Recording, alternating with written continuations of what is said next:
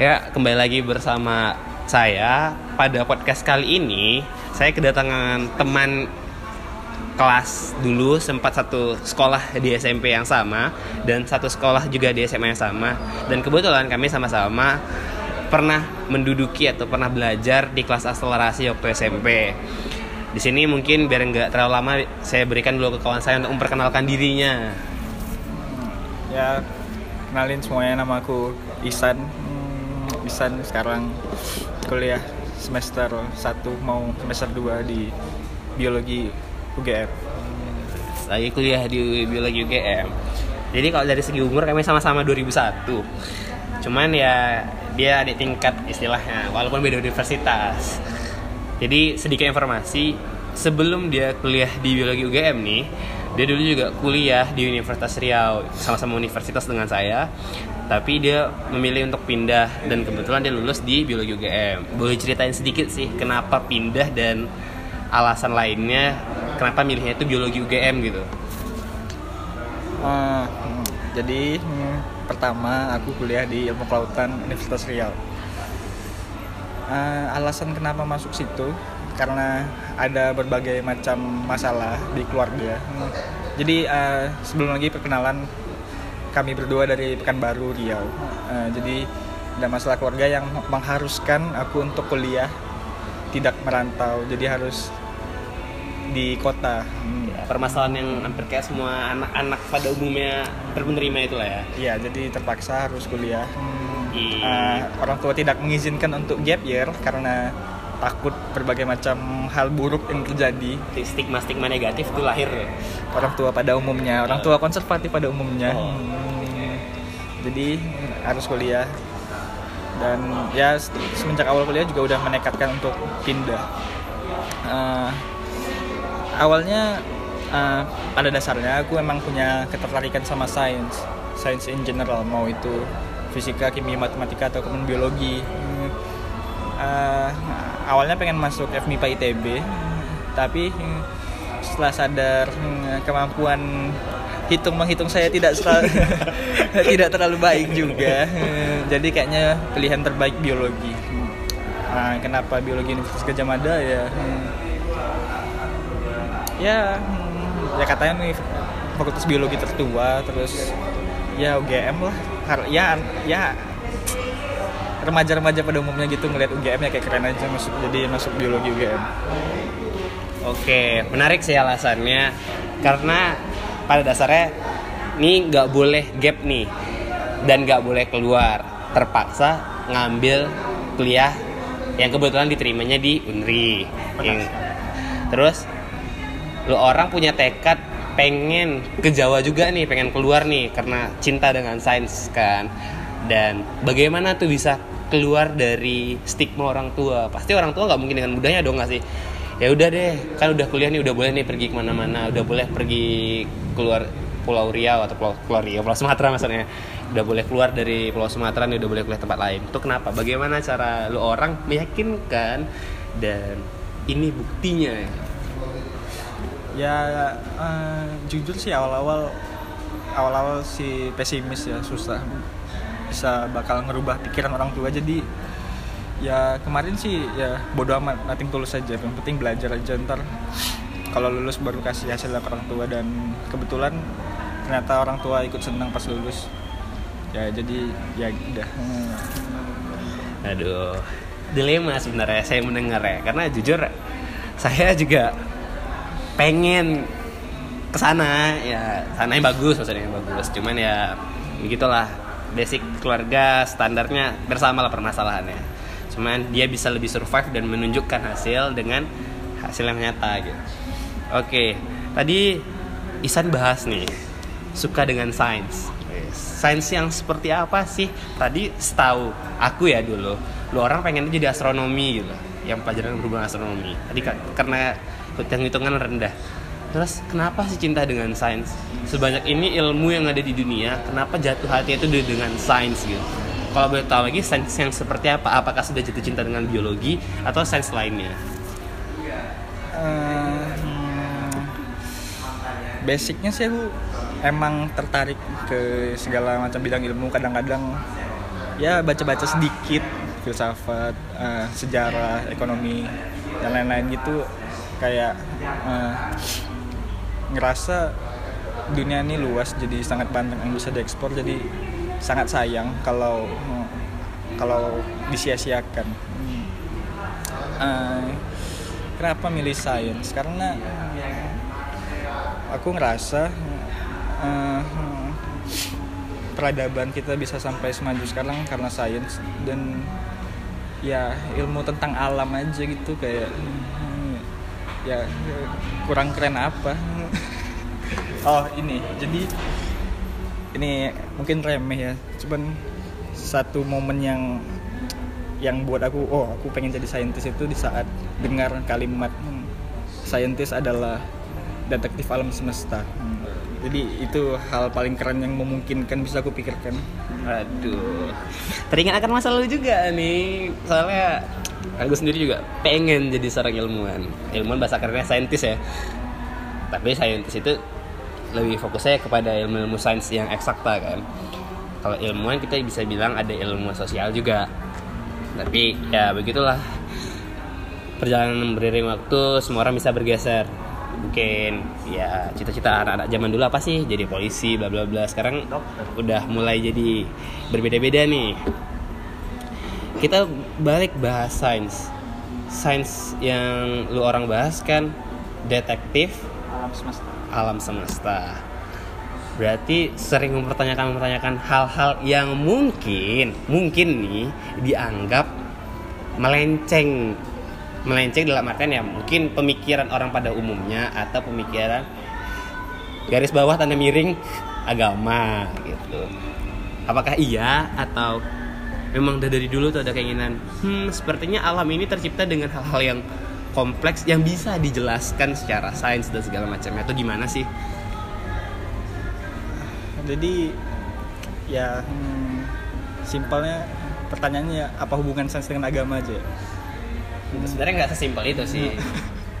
Cuman ya sedikit menyinggung situ bisa, tapi atau eh, sebagai orang yang tertarik dengan sains gimana pendapat pandangan aku terhadap agama bisa jadi. Ya terserah bagaimana anda mengang- mengambil kesimpulan dari pertanyaan saya tadi. Ini anda cinta dengan sains karena keren, iya benar sekali sangat keren. benar sekali alasan Dan- yang simpel Hmm. Iya, alasannya simpel dan Hmm.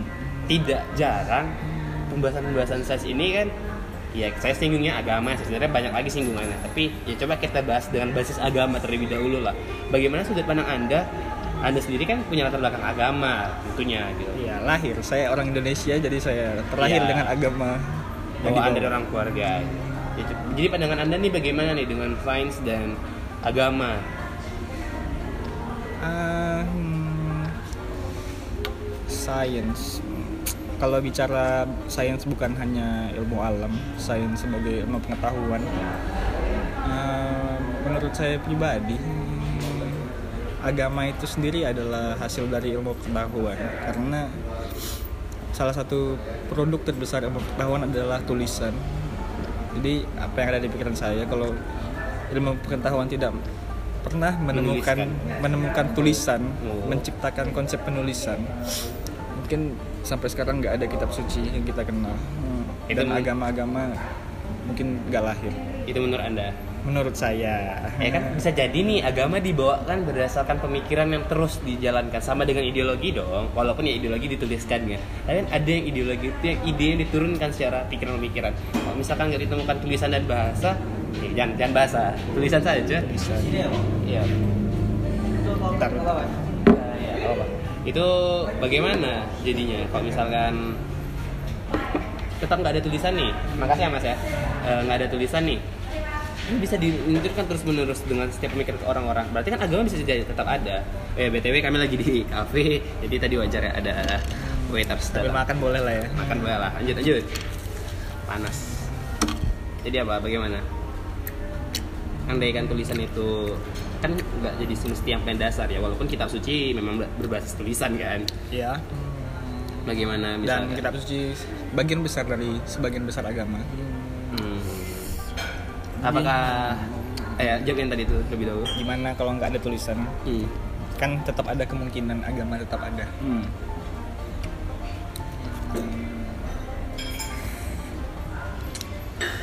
sulit ya Eh, aku nggak bisa ngasih jawaban yang bagus sih cuman kayaknya hmm, ya mungkin tetap bisa ada tapi mungkin nggak akan sebesar sekarang karena Gak ada yang ngikat. iya Kayak perkataan Ali bin Abi Thalib. Wes. Hmm, apa tuh Ilmu kalau tidak ditulis ibarat binatang yang tidak diikat dia akan terus liar. Iya, kasarnya gitu. Kalimatnya benar, kan setuju. Kalimatnya kan kayak enggak ingat tapi pasti gitulah dasarnya. Ya. Hmm. Oke nih. Nah, ini pertanyaan yang cukup kritis bagi beberapa orang. Tapi menurut kita berdua ini pertanyaan yang tidak biasa ya. Apakah agama masih relate dengan kehidupan ini? masih relate atau masih relevan Relate dulu berrelevan. masih relate Hmm, bagi Bagi perspektif Anda. hmm, hmm, masih Oke, kenapa? masih relate di sini maksudnya masih gimana Bisa dibawa segala macamnya. Sebenarnya pendekatan relevan kan maksudnya. Ya relate. Eh, relate bagaimana Ya udah, kalau misalnya yang relate susah kita deskripsikan, relevan atau enggak? mungkin sekarang hmm, gini ya mungkin dari argumen aku sebelumnya tadi kayak seakan-akan aku punya pandangan negatif terhadap agama tapi pada dasarnya hmm, aku pun menganggap Agama itu penting? Oh, agama has done a really big part dalam kemajuan peradaban oke. karena hmm, Tanpa adanya agama tidak ada keikatan. ya di saat manusia sedang bingung-bingungnya hidup ini untuk apa agama mengasih solusi dan pada saat itu sangat relevan jadi menciptakan manusia lebih baik dalam menjalankan kehidupan sosial Itu kan zaman dulu. Sekarang pada bagaimana? saat itu relevan Eh, iya, pada saat itu. Apakah sekarang masih relevan? Soalnya masih kan kayaknya masih kayaknya. ya. karena sains belum bisa menjawab segala hal Semuanya. juga Berarti masih eh, tanda tanya besar masih terlalu terlalu banyak dan belum bisa dijawab secara sepenuhnya. mungkin bisa dikatakan tidak relevan di saat sains punya jawaban akan segala hal yang dijawab oleh agama Oke. Menarik. Mhm. Kalau gitu agama masih relevan, relate masih relatable ya. bagi banyak orang Bagi, bagi banyak orang, bukan bagi dan anda, masih dibutuhkan untuk banyak orang bukan bagi anda. kebetulan tidak Oh, kalau kita bahas-bahas agama nih, kita bahas sains. Di sains kan, ya saya mungkin basicnya mungkin bukan anak sains ya, tapi kita kan ada mengenal nih gender dan seks, ya kan? Ada gender, ada seks, ya. Dan yang paling sering jadi permasalahan itu gender, kesetaraan gender, kesetaraan gender itu kan mau nggak mau ya kita bahasnya bahasanya antara dua. Objektif atau subjektif. Subjektifnya apa? Misalkan agama. Ya langsung aja sih nggak usah banyak basa basi kehidupan patriarki anda setuju nggak dengan kehidupan patriarki itu? Ya walaupun anda bilang saya tidak pedoman agama mungkin punya sudut pandang yang pro patriarki dan segala macamnya.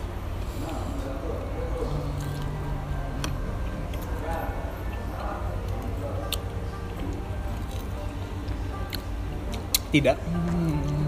Kenapa? Panas makan tempe bukan kalau bahas patriarki pasti kita bahas bakal nyinggung feminisme. Hmm. sebenarnya kalau diambil secara definisi eh, saya seorang feminis. Apakah anda seorang feminis? Karena ya kenapa anda seorang feminis? Feminis definisi saya. Oke. Jadi feminisme adalah eh, suatu pemahaman bahwa kita mempercaya percaya bahwa laki-laki dan perempuan punya hak dan kesempatan yang sama. Setara. Ya hak dan kesempatan yang sama. Hmm, oke. Dan saya percaya itu dan hmm, ya saya tidak mendukung patriarki karena hmm, ya semakin ke sini udah semakin gak relevan aja. Tapi kan nggak tahu ya basic agama Islam gitu. Oke kan sebenarnya budaya patriarki itu budaya yang dilestarikan dalam agama. Benar setuju. Karena kan suami adalah nahkoda koda pemimpin. Maaf mimpin.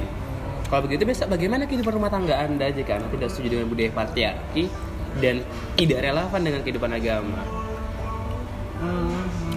Dalam menjalankan kehidupan nih di saat berkeluarga punya istri segala macam bagaimana sih dari sudut pandang yang katanya anda adalah seorang feminis itu bagaimana sudut pandang anda ketika kita memiliki keluarga?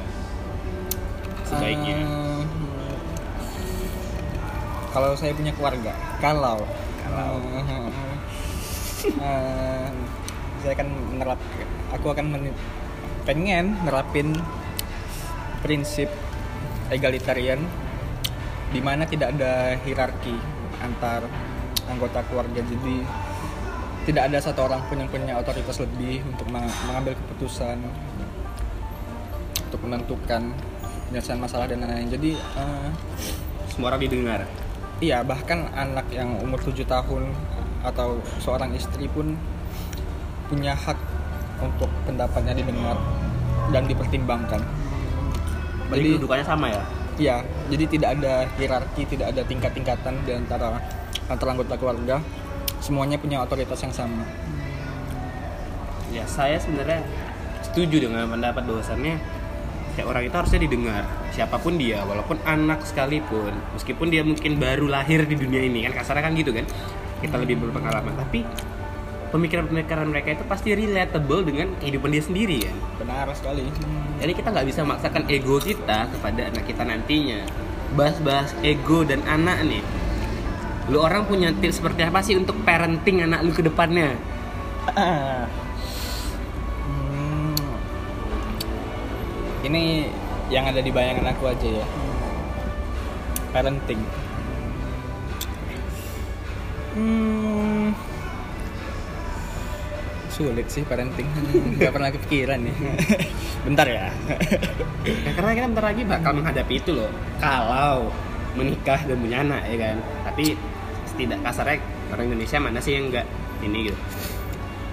parenting eh, satu menurut aku hal yang hmm, ya eh, aku setuju kalau emang secara biologis laki-laki dan perempuan punya kondisi yang berbeda punya kecenderungan yang berbeda dan itu menyebabkan eh, perkembangan kehidupan sosial kita menciptakan yang namanya gender role Iya. laki-laki punya tugas ini perempuan punya tugas ini Ada privilege yang berbeda. tapi semakin ke sini makin banyak perempuan-perempuan yang muncul yang bisa membuat gender role itu tidak relevan jadi eh,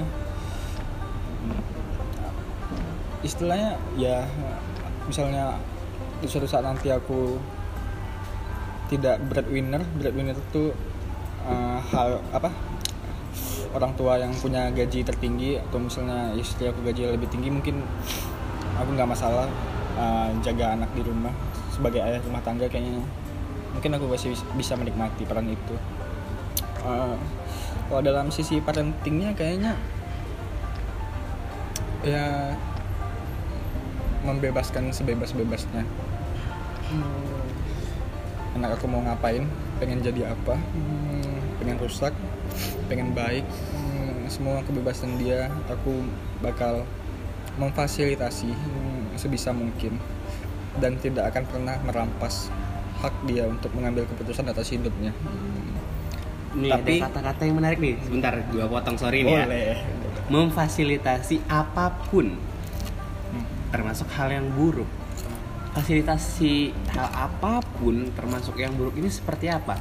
Misalkan dia seorang peminum, Anda kasih uang untuk beli minum segala macam atau apa? Karena biasanya biasanya orang tua kan berharap anak itu kan baik, habitnya baik, behavior dia baik, anak yang cerdas. Ya maksudnya ya berguna bagi bangsa dan negara lah. Kalimat-kalimat normatif ya kan. Cuman nih ini kalimat yang keren nih, keren dan unik nih, memfasilitasi termasuk hal yang tidak baik itu seperti apa Hmm. Tadi kan aku bilang aku nggak pengen ngerampas Mm-mm. hak seorang anak untuk mengambil keputusan atas diri dia sendiri. Hmm. Tapi sebagai orang tua yang baik, Hmm. tentu sebelum pengambilan keputusan itu aku pasti melakukan diskusi. oke Diskusi yang dua arah. Aku punya pendapat, dia punya pendapat, saling mendengar. Hmm. Tapi pada akhirnya keputusan akhir, final decision tetap di tangannya. si anak Iya. Soalnya dalam kasus tadi minum, hmm, aku bakal ngasih pendapat aku gimana, pendapat dia gimana. Kalau pada akhirnya dia tetap memutuskan untuk minum, hmm, mungkin hmm, saya ikut minum. Ya saya minum sedikit juga. Ah, mungkin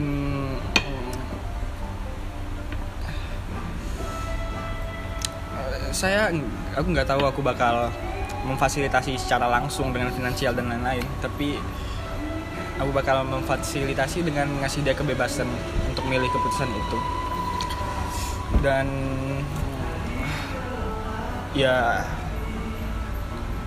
karena itu ada hal, hal yang buruk kita semua tahu minum buruk jadi aku lebih pengen dia belajar sendiri kalau dia mendapat resiko atas keputusan dia kalau dia mengambil ternyata itu keputusan benar ya hmm, bagus. Kalau misalnya ternyata itu bukan keputusan yang benar ya aku harap dia belajar.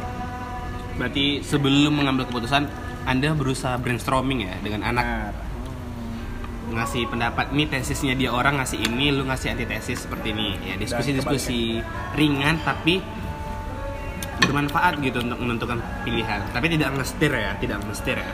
Tidak karena kebanyakan orang tua katanya sih berdiskusi dengan anak tapi kan disetir bro. Itu kan nggak enak sebenarnya kan. Ya kita sih mengalami itu ya secara tidak langsung. Oke. Ya, orang tua generasi X ya wajar. Ya. Maklum. Jadi kepada orang tua yang mungkin saja mendengar ya walaupun sangat minim kemungkinan itu tapi tidak ada salahnya ya kita membahas ini. Karena sejatinya parenting itu adalah fondasi awal anak itu akan ke mana?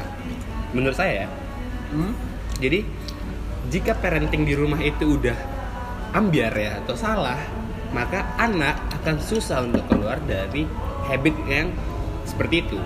Ya walaupun mungkin ada pengusaha-pengusaha sukses atau apa-apa, tapi itu satu banding berapa perbandingannya? Kan nggak bisa kita relatekan itu dengan hal yang serupa. Artinya compare-nya itu nggak pas gitu kan, nggak nggak apple to apple. iya Dan balik ke bahas parenting tidak jauh kita akan bahas pendidikan. Nah, pendidikan seperti apa sih yang bakal lu terapin ke anak lu gitu? Pendidikan mungkin bahas agama dulu deh. Pendidikan agama seperti apa sih yang akan lu kasih kepada anak lu? Eh, nggak tahu ini ya Hmm. Eh, karena pada dasarnya eh, saya dan mungkin istri saya nanti bukan orang yang beragama jadi pendidikan agama pasti tetap Diadakan. mengajarkan itu diajarkan. karena ya fasilitator. ya, agama merupakan hal yang besar lah pada era ini Dan anda juga berusaha jadi fasilitator seperti yang anda bilang tadi ya. Hmm, hmm. Eh, jadi ya aku bakal memperkenalkan bahwa di dunia ini ada sekitar 4 ribuan agama dan agama-agama yang besar ada ini dan ini dan ajarannya seperti ini. Seluruh agama besar aja kan, bukan? Iya. kalau ribu agama ya Anda kalau aja. yang yang yang kecil-kecil yang menyembah menyembah matahari menyembah kapal ya dia belajar sendiri lah.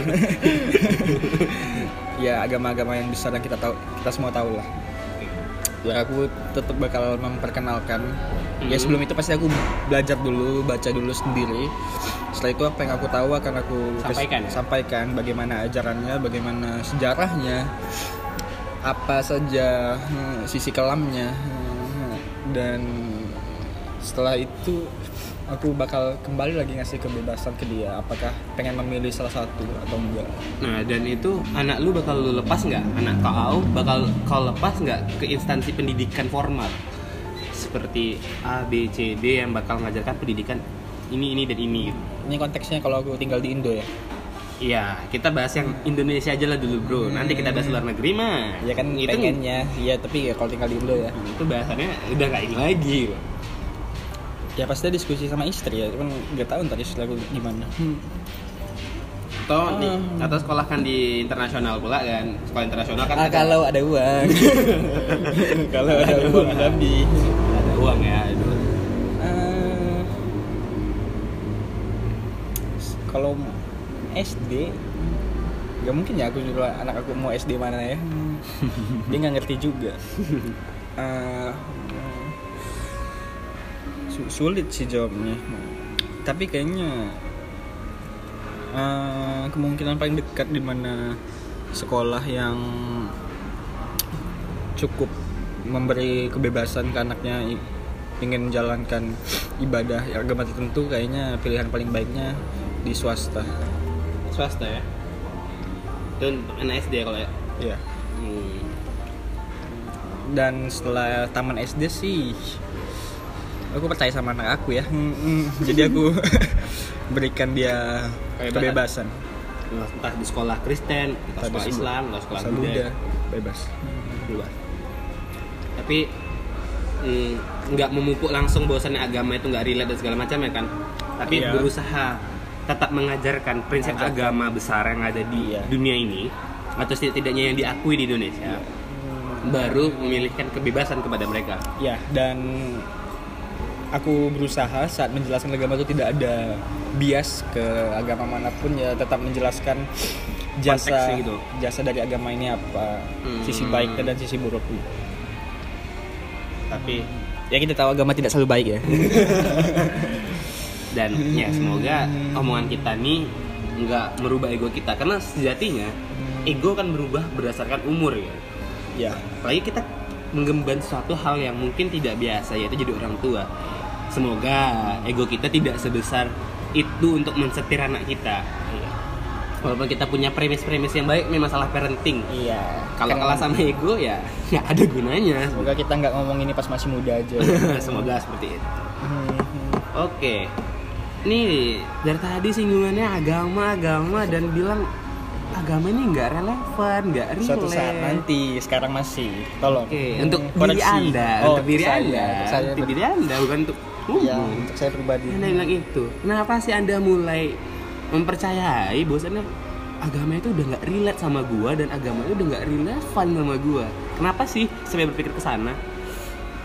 Eh, hmm, karena kalau ngomongin masalah itu ya udah ngomongin keimanan ya kepercayaan Ah, nggak nggak tahu ya Hmm, aku pribadi kayak nggak ada nggak ada sense nggak ada rasa untuk bisa percaya terhadap sesuatu yang nggak ada buktinya nggak ada bukti-bukti yang mendukung kalau hal itu memang benar adanya Hmm.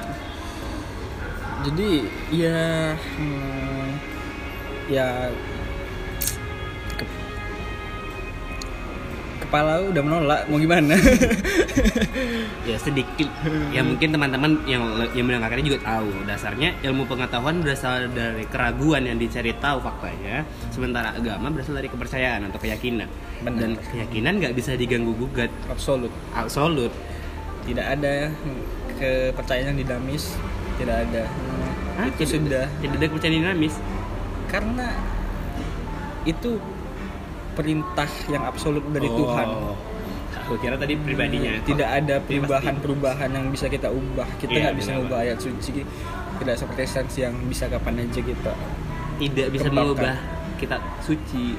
Hmm, kayaknya ada tuh salah satu agama yang you know lah. oh iya oh berarti salah ada yang dinamis ada yang dinamis ada ada Tapi mayoritas majority. Majority. Aduh, suara apa itu? break dulu.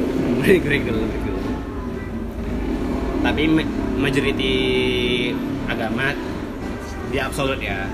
Karena itu perintah langsung dari Tuhan kan kita mau ngelawan gimana sabda Tuhan. Dan kita tidak sadar. Oke kapan sih kau tuh mulai merasa agama itu udah mulai tidak pas nih?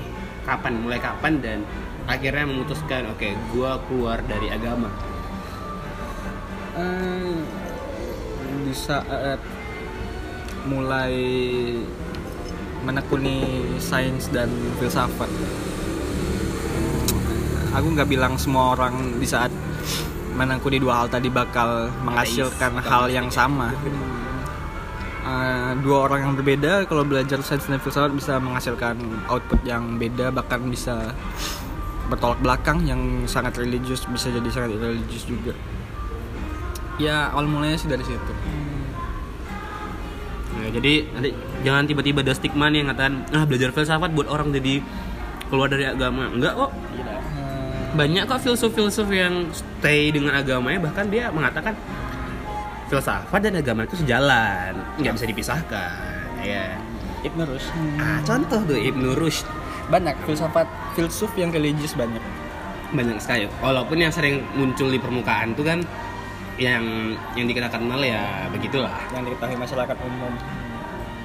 Dan in- yang salah dari masyarakat kita adalah tidak mencari informasi dengan benar. Jadi nganggap dogma-dogma filsafat adalah kesesatan itu lahir dengan mudah. Padahal filsafat itu ya ibunya ilmu kan kasarnya kan emang itu kan. Ya, filosofis Yes. cinta kebijakan. Hmm, kebijaksanaan kebijaksanaan salah maaf. Aduh jadi malu. Bahas setelah kita bahas agama parenting hmm, misalkan nih gue kasih situasi nih aku kasih situasi yang mungkin tidak mengenakan anakmu kena pelecehan seksual. Pelecehan seksual apa yang bakal lu lakukan? Eh, Nah, se- oke tadi itu udah terkena pelecehan seksual kan. Sebelum jawab yang pertama, ketika kena pelecehan seksual, pelecehan seksual dan pertanyaan kedua saya adalah sebelum terjadi pelecehan seksual, apa yang akan anda berikan kepada mereka? Informasi seperti apa atau apa? Jadi jawab dulu yang pertama yang sudah terkena nih, sudah terkena dilecehkan secara seksual, seksual, segala macam. Hmm, hmm. ini hmm, berlaku kedua dua gender dua seks Iya. Ah, hmm. ya hmm. Hmm. kalau misalnya laki-laki hmm, mungkin ini banyak yang nggak suka sama pendapat ini cuman ini opini ya murni opini nggak menurut aku eh, di saat korban pelecehan laki-laki dan perempuan mungkin perempuan bakal mendapatkan kesakitan yang jauh lebih dalam. Eh, rasa sakit yang diterima oleh perempuan mungkin bakal lebih tinggi karena ya laki-laki makhluk tidak hanya makhluk hidup tapi juga makhluk seksual jadi kalau laki-laki sih aku nggak tahu mau jawab gimana. Cuman kalau perempuan eh, apa yang akan aku lakukan? Hmm, ya maaf ya hmm, anakku nanti. Mungkin satu-satunya yang bisa aku lakukan cuman menyerahkan satu 100% ke hukum aja. Hukum ya. Ya kita tahu ya pelecehan seksual itu bukan hanya pemerkosaan segala macam ya. Pelecehan seksual itu bukan sampai hanya seberat berat itu. Pelecehan seksual itu ya kayak anak laki-laki misalkan dipegang alat kelaminnya oleh laki dewasa itu juga sebenarnya udah pelecehan seksual kan. Kalau dia Iya, dibahas laki-laki, kalau perempuan ya kita tahu lah. Ya di masyarakat kita perempuan itu diobjektifikasi benar bukan dianggap sebagai manusia yang setara dan sepadan. Itu ada hubungannya tuh dengan feminisme segala macamnya. Kan itu salah satu premis yang sering digonggongkan. Wanita bukan objek. setuju saya feminis saya feminis Hmm. Eh, Terus itu tadi kalau sudah terjadi berarti anda lebih serahkan kepada hukum yang berlaku. iya Nah, menanggulangi ini seperti apa nih Ah, caranya Anda? Nanti saya kasih versi saya, mungkin nah, tapi saya sama juga gitu. eh, yang kita tahu kan pelecehan tidak hanya secara fisik tapi juga bisa lewat Verbal ya, betul. Nah, sementara yang bisa saya serahkan ke hukum hanya yang pelecehan fisik kan. Hmm, masalah pelecehan verbal. Duh. Sekali lagi maaf ya. Hmm, Tapi mau gak mau harus kuat emang manusia kayak gitu. Jadi hmm, pelecehan verbal sih ya mungkin awal-awal bakal sulit sih menghadapi yang kayak gitu tapi hmm, emang hmm, kehidupan kita ah, menuntut kita untuk harus kuat dengan segala bentuk ke segala bentuk kekerasan verbal jadi ya aku cuma harap anakku bisa kuat aja sih Jadi mengasah mental ya. iya tapi belum tahu caranya gimana Soalnya kan sebenarnya ada kalimat-kalimat seksis Hmm. ya mungkin itu pelecehan verbal, tapi konteksnya bisa bergeser jadi gurauan biasa karena yang mem- yang melontarkannya adalah sahabatnya sendiri. oke It- ini sebenarnya bias sih menurut saya ya melihat kejadian di masyarakat kadang misalkan kita bilang kayak eh cewek cantik. Ah, kayak gitu bisa dibilang catcalling pelecehan Oke. verbal. Tapi kalau misalkan itu disampaikan oleh sahabat kan bakal berubah bergeser ya. Hmm. nah kalau aku besok ngajarkan ke anak aku untuk pelecehan seksual ini pertama kali yang dari fisik dulu. Mengajarkan dari hal yang sederhana. Apa sih alat-alat kelaminmu yang kamu punya yang harus kamu jaga dan tidak boleh dilihat disentuh oleh orang lain ya sex education. Ya sex education itu penting ya kan? Itu dari dari fisiknya dulu. Oh mengenal. Ini bagian dadamu bagi wanita ya. Ya nggak boleh disentuh sama yang lain gitu. Ini bagian bawahmu ini nggak boleh segala macamnya. Dan kita harus kasih tahu mengapa. Iya, kita harus kasih tahu hanya apa. dan itu harus ya step by step. Kita harus lihat psikologi anak juga dari umur ke umur. Nggak kita nggak bisa ngebantai langsung dong. Kita harus ngasih lihat secara umur ke umur terus kalau dari verbalnya gimana? Kalau dari verbal nih kalau aku sendiri nih punya caranya adalah lawan mereka. Karena yang menentukan kita bisa bertahan adalah siapa yang berkuasa pada saat itu berlangsung. Artinya ya pertama pasti kuatkan mental. Karena nggak semua orang punya mental yang kuat ketika direndahkan harga dirinya. Tapi lawan dia dengan argumentasi juga atau saya tidak menyarankan fisik sebenarnya tapi kuasai hal itu agar dia menang. Misalkan ih cewek seksi. Saya kan gitu kan. Ini kan udah dewasa ya. Lawan dia dengan kalimat iya bapak yang bla bla bla bla yang, yang artinya dia mampu menguasai iya bapak botak yang sange. Ah ya gitu gitu jadi kayak akhirnya dia sendiri dong yang merasa kecewa. Kalau misalkan nanti udah main fisik karena kan atau emosi pula yang udah dia melakukan catcalling terus segala macam. Itu mungkin baru bisa kita bawa ke ranah hukum.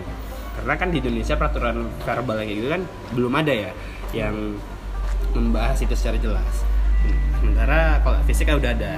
Mungkin itu. Dan kayaknya ngajarin pembelaan diri guna juga. Hmm. Iya. kayak kalau ngelawan laki-laki tendang bagian mana. Hmm, itu, itu penting sih untuk jaga diri itu penting sih. Karena ya walaupun ini agak sedikit bahas ke, lebih ke perempuannya karena biasanya yang di jadi korban. Jadi korban adalah perempuan. Ah, terus kok terjadi pemerkosaan nih? Kepada anakmu atau kepada calon pacarmu lalu dia hamil. Apa yang bakal kamu lakukan? Menyuruh dia aborsi kah? Atau mempertahankan janinnya? Atau bagaimana yang pasti pertama sedih ya. Pasti.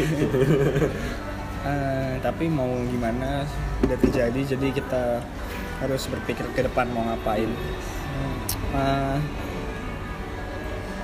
masalah itu aku bakal memberikan 100% hak itu eh, kandungannya ingin diaborsi atau ingin di ingin dilahirkan itu 100% hak perempuan 100% 100% milik perempuan.